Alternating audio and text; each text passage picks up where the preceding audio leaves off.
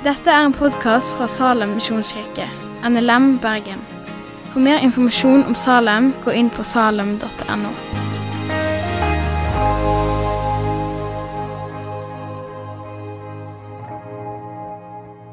God dag. God allehelgenssøndag. Kjære Salem, kjære dere som hører på. Kjære venner, brødre, og søstre, unge, åndelige mødre og fedre. Hyggelig å kunne stå her og snakke med dere i dag. Og eh, det er høflig å presentere seg da, så det skal jeg gjøre. Jeg heter Torleif Kiserud. Skal jeg begynne litt i andre enden. Eh, jeg er nomade og eh, bor for tiden i Bergen og jobber i Trondheim og liker godt å reise og er vokst opp i mange, mange, spennende steder. Og dere vet jo at det å reise er en statusting, ikke sant? så det er jo lett å fortelle om at ja, sant? i fjor så var jo vi på Sri Lanka. ikke sant? Og, ja, men det var vi òg i forfjor. Ja, ja, men neste år skal vi til Bora Bora. Og, så det gjelder å ha noen spennende reiser å fortelle om. Så stilna det jo litt da når koronaen kom. Men i dag skal vi snakke mer om en reise som er den mest spennende reisen jeg har vært på og er på. Og det er den reisen med å følge Jesus. Dagens tema er jo et undertema av 'Følg meg', og det er å gjøre disipler. Og det å gjøre disipler, det er også en spennende reise. Og noen reiser er sånn at når du skal ut på den turen, når du skal ta kofferten og gå til døra, så er du litt spent eller veldig spent, eller gruer deg. Og en reise vi dro på, det var i 2004. Da skulle vi flytte til Etiopia. Da sjekket vi inn 17 collie. Og vi glemte bare to av de på flyplassen.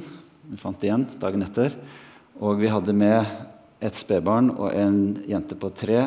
Og så hadde vi svigerforeldre med. Så dere skjønner, det var mye spenning. Men eh, vi kom trygt fram. Eh, den reisen vi skal snakke om i dag, den er kanskje også litt spennende eller litt truende. Jeg hadde mareritt før vi flytta til Etiopia. for jeg tenkte Tenk på alle slangene, og tenk på alt det farlige. Tenk på sykdommer. Eh, denne reisen her trenger vi ikke ha mareritt for å dra ut på. Fordi det er en som sier 'Meg er gitt all makt i himmel og på jord'. Gå derfor ut og gjør disipler. Så eh, hvis vi står foran dette med å gjøre disipler og tenker ja, men mm, det er ikke jeg ekspert på, ja, da har vi flere om det. Og da kan vi tenke på at Jesus kalte oss nettopp for trenbare. Han kalte oss for disipler, han kalte oss for lærlinger. Det er navnet vårt, det er definisjonen på hvem vi er. Vi er trenbare. Og Da skal jeg starte med en liten illustrasjon om en liten gutt som jeg ikke har møtt, men jeg vet mye om han. Han vokste opp i en fjellbygd. Og han hadde foreldre som var veldig opptatt av at han skulle bli glad i naturen og ut på tur og alt dette her som vi nordmenn kjenner. Så hun tok barna sine med ut på tur. De gikk på stier. Og, og så begynte hun å ta det ett hakk videre, for hun sa ta dere på beina. Så kan dere gå barfot, for da blir dere så godt kjent med grunnen dere går på. Og så tok hun det ett hakk videre. Så de, fulgte de ut om kvelden etter at det var litt mørkt. Og så gikk hun fra dem og sa ja, nå finner dere veien hjem sjøl, for dere må bli kjent med naturen. dere må kjenne dere fram. Og så fortsatte det.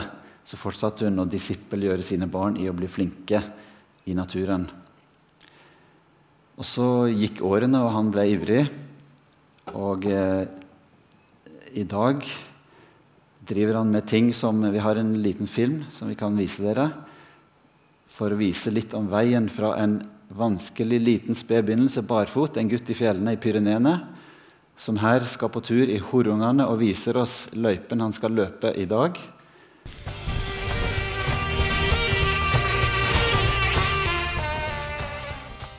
Noen reiser er mer spennende enn andre.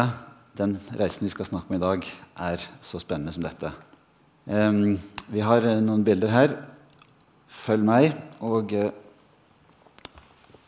det står veldig mye i Bibelen om hvordan Jesus gjorde disipler. Så vi skal plukke ut tre ting vi skal se litt mer på. Og uh, Det første er da at han velger ut sine disipler.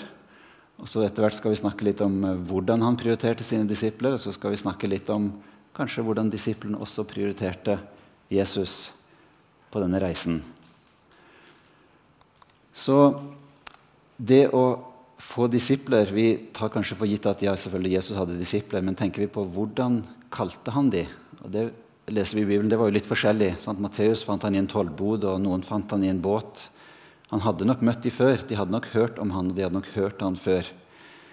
Men så var det en spesiell anledning hvor han kalte de, eh, som vi leser om her i Lukas.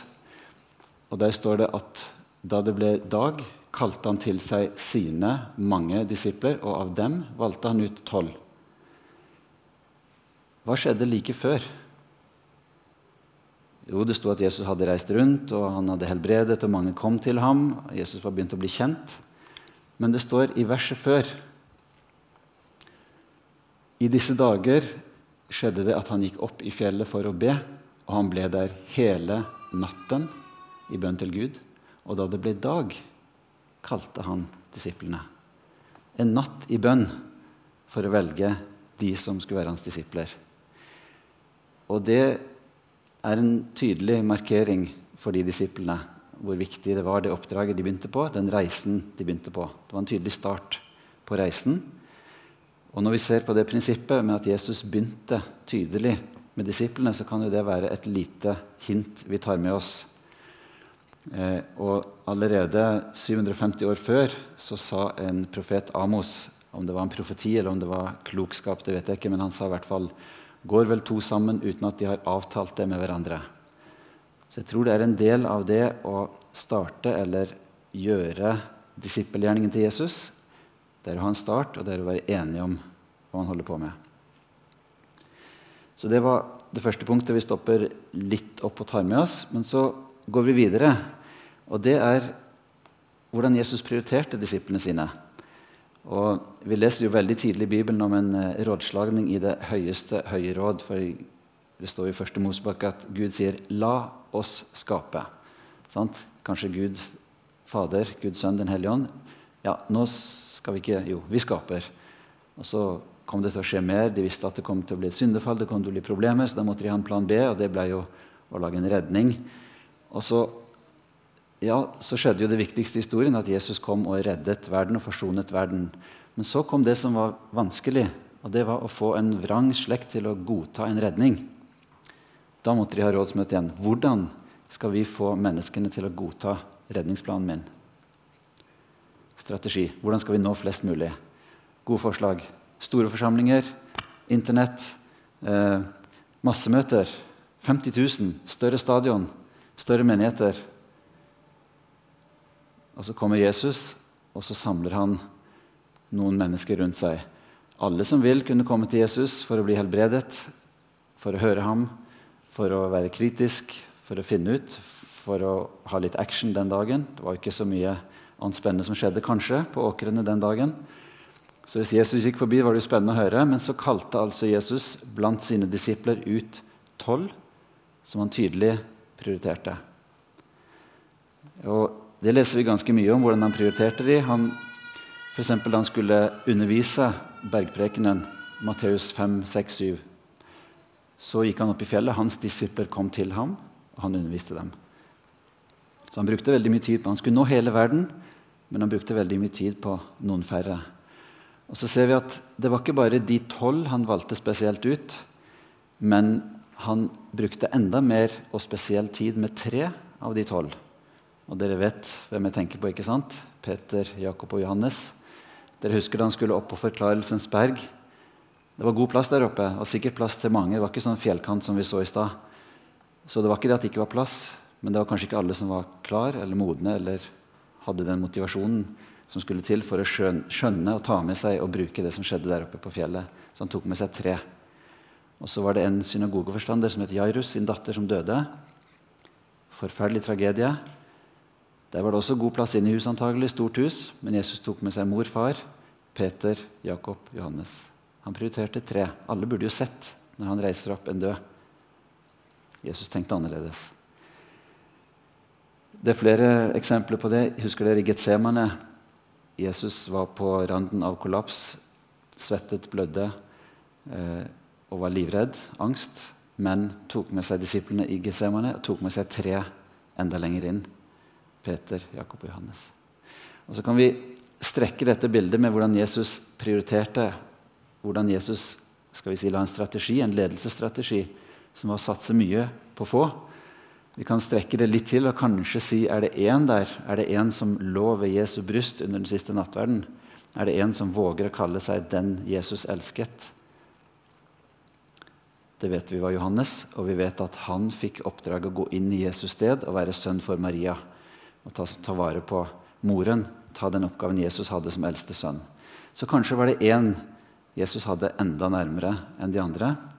Og så kan vi utvide dette. Vi vet at han var veldig glad i og brukte tid på Martha, Maria Lasarus. Han kom forbi de, han tok inn hos de, han spiste hos de, han ga seg god tid og satt og snakket. Vi vet også at kvinnene ved graven hadde et spesielt nært forhold til Jesus. De var kanskje de modigste. vi vet ikke. Det var de som turte å komme når de andre murte seg inn i et rom. De kom til graven for å salve Jesu legeme. Alle disse stolte mannfolkene satt innesperret med låst dør. Ja, så ringen rundt Jesus, der prioriterte Jesus altså eh, de mange, men han prioriterte enda mer de få. Ja, og så var det hvordan prioriterte Jesus? Hvordan var han en lærer for sine disipler? Mesteren. Hvordan var han en mester? Og Vi kan ta fram ikke så mange ting. Det står hundrevis av ganger om ordet disipler og lærling og sånn i Bibelen. Men eh, Jesus gikk jo inn i en tradisjon som går langt tilbake. Profetene i Gamle Testamentet hadde jo disipler. Eh, tenk på Elia og Elisha. Eh, Tenk på etterfølger. Sant? Moses hadde Josva. Eh, og vi vet at det er en tradisjon for å ha disipler. Og Guruene som gikk rundt og underviste, de hadde disipler. Det fikk også Jesus. Men det han gjorde med dem, det var å dele ikke bare eh, ord. Det var ikke bare klasserom. Sett dere ned her, folkens. Nå er det undervisning. Tenk en norsk klasse, hvor eh, entusiastisk det blir. Nei, de gikk sammen. Lange reiser, lange dager i svette og varme. De satt og spiste sammen. De diskuterte. De betalte skatt sammen. Husker dere Paulus som dro en denar fra fiskens munn? og 'Gå og betal den for oss', sier Jesus. De snakket økonomi, de snakket hverdag, og de snakket de store spørsmål. De delte liv. Enkelt hæ? å dele liv med hverandre i koronatider. Det er et eksempel som vi kan, eh, en reise vi kan starte på. Ordet var viktig. Det var mye forkynnelse og ord og gjerning som bekreftet. Men jeg tror at i disippelgjøring så er pensum og ordet veldig viktig og må være med helt sentralt. Så hvis vi tenker på at vi skal starte på denne fjellturen, eller denne reisen, den mest spennende reisen, så må ordet være i midten. Og så er det et perspektiv til vi skal ta med, som Jesus tydelig viste. Og det var hvordan disiplene skulle gi videre det de fikk. For så sendte han de ut, de tolv. Gå ut til landsbyene. Og så sendte han ut de 70. Og så kom de tilbake og så hadde de evalueringer. Så han ga de oppdrag som korttidsmisjonærer. Og til slutt så vet vi han ga de oppdrag som langtidsmisjonærer. Gå ut og lær videre. Der gjør disipler. Så det var fokus på å gi videre. Eh, og det kan vi lese om rekken, hvordan den går utover i Nytestamentet. Av Paulus, som er disippel, gjør Timoteus. Og så kan vi følge det utover. Så det er en viktig del av å gjøre disipler for Jesus. Tenke rekken videre.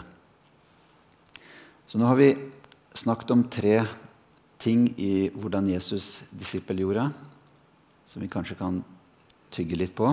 Kanskje ta med oss videre på tur. Men så er det det at når det er en mester, så er det også en disippel. Eh, og det er ikke bare sånn at det er en lærer som messer. Det er også en disippel som kan vise initiativ, som kan være aktiv, som kan være foroverlent. Eh, vi vet jo at det er litt forskjell på å sitte foran mobilen i klasserommet og det å være på fremste benk og få med seg hvert ord og stille spørsmål. Og vi vet at disiplene de hadde jo en overgivelse. De hadde forlatt garnene sine, de hadde forlatt, forlatt far og mor. De kom og fulgte Jesus. Så de hadde en overgivelse, en hengivelse. Vi vet også at de spurte Jesus. Det står ganske mange ganger at Jesus fortalte en lignelse om såkornet, eller om et eller annet, og så skjønte folk ikke helt hva det betydde. og Så kom de inn for seg selv, og så sier disiplene, 'Men Jesus, hva betydde dette?' Jo, dere er det gitt å forstå, og så forklarte han. Så de spurte Jesus, de pressa han litt på ting de ikke skjønte. Dere husker Det var en som kom til Jesus og sa, 'Min datter er så plaget av en ond ånd.' Og disiplene dine jeg gikk til dem, de klarte ikke å drive ånden ut. Hva skal vi gjøre? Og da sa Jesus, dere vrangtro slekt, hvor lenge skal jeg være hos dere? Og så drev han ut ånden. Og disiplene sto og så på og skjønte ingenting. Og så sier de etterpå, du, Jesus, hvorfor kunne ikke vi gjøre det? Og Det er litt interessant at disiplene tar tak i det de ikke skjønner. Så går de til Jesus og sier, hvorfor kan ikke jeg? Hvorfor er ikke dette en del av mitt liv? Gå til Jesus, utfordre Jesus på det. Så disiplene de var også foroverlente. Det kan også vi være.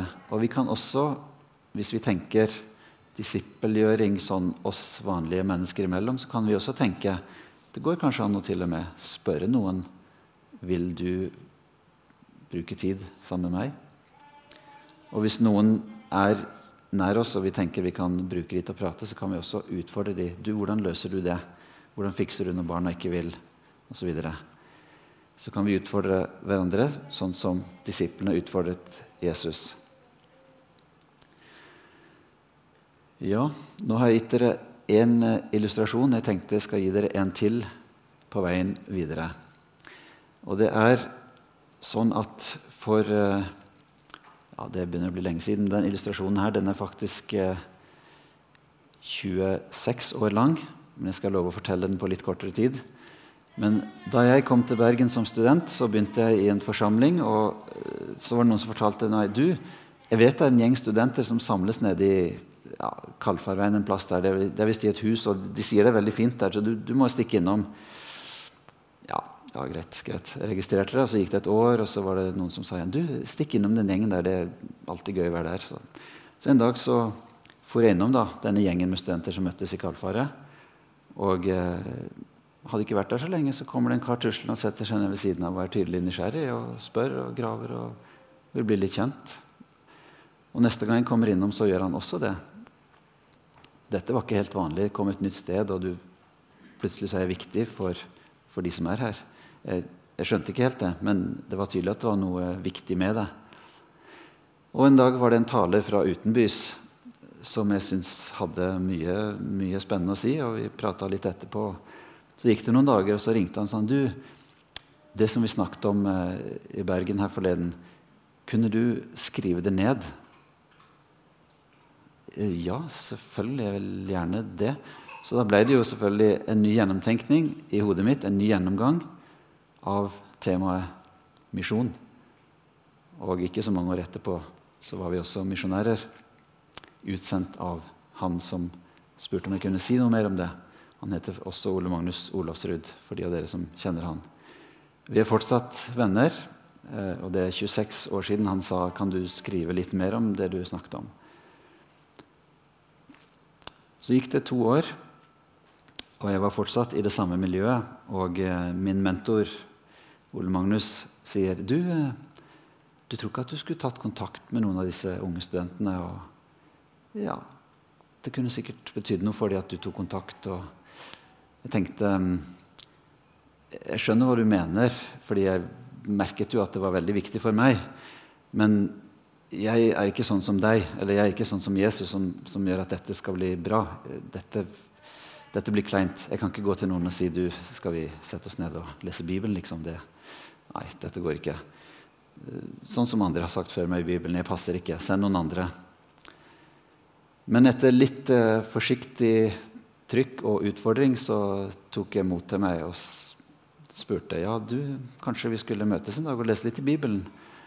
Og kanskje vi skulle prøve å møtes litt jevnlig. Og det gikk overraskende bra. Ofte. Um, og uh, for noen dager siden så ringte en venn og sa du, kan jeg komme og besøke dere i helgen. Så vi hadde besøk i går kveld av en kar som jeg ble kjent med som student for 22 år siden. Og som jeg spurte du skulle vi møtes litt og lese Bibelen sammen og prate litt. Og da tenkte jeg dette her er kleint, dette går ikke bra. Så spurte han i går etter 22 år du, da jeg spurte om vi skulle møtes, hvordan var det for deg? Da var jeg spent. Og jeg fikk lov å gi dere svaret, og svaret var at du, det var veldig viktig for meg og min åndelige utvikling. Det var viktig å bli sett, det var viktig å få konkret støtte, oppmuntring på å lese Bibelen. Det var viktig for en som spurte etter hvordan det gikk, en som så meg. Det har vært veldig viktig for mitt åndelige liv. Jeg lovte dere en spennende reise à la Kilian Journette. Reisen ligger foran. For Salem, for oss, for deg. Jesus har vist oss et eksempel. Ordets hørere, ordets gjørere. Nå er det vår tur. Reisen blir spennende, men reisen er trygg. Fordi Jesus sier jo 'fordi jeg har all makt, jeg er med dere'. Han vil gjøre det til en god reise. Så jeg sier lykke til til Salem, til NLM, til oss med disippelgjøring. Takk for at du har hørt på podkasten fra Salem, Bergen. I Salem vil vi vinne, bevare, utruste og sende. Til Guds ære. Vi ønsker å se mennesker finne fellesskap, møte Jesus og bli disippelgjort her i Bergen og i resten av verden. Vil du vite mer om oss, gå inn på salem.no.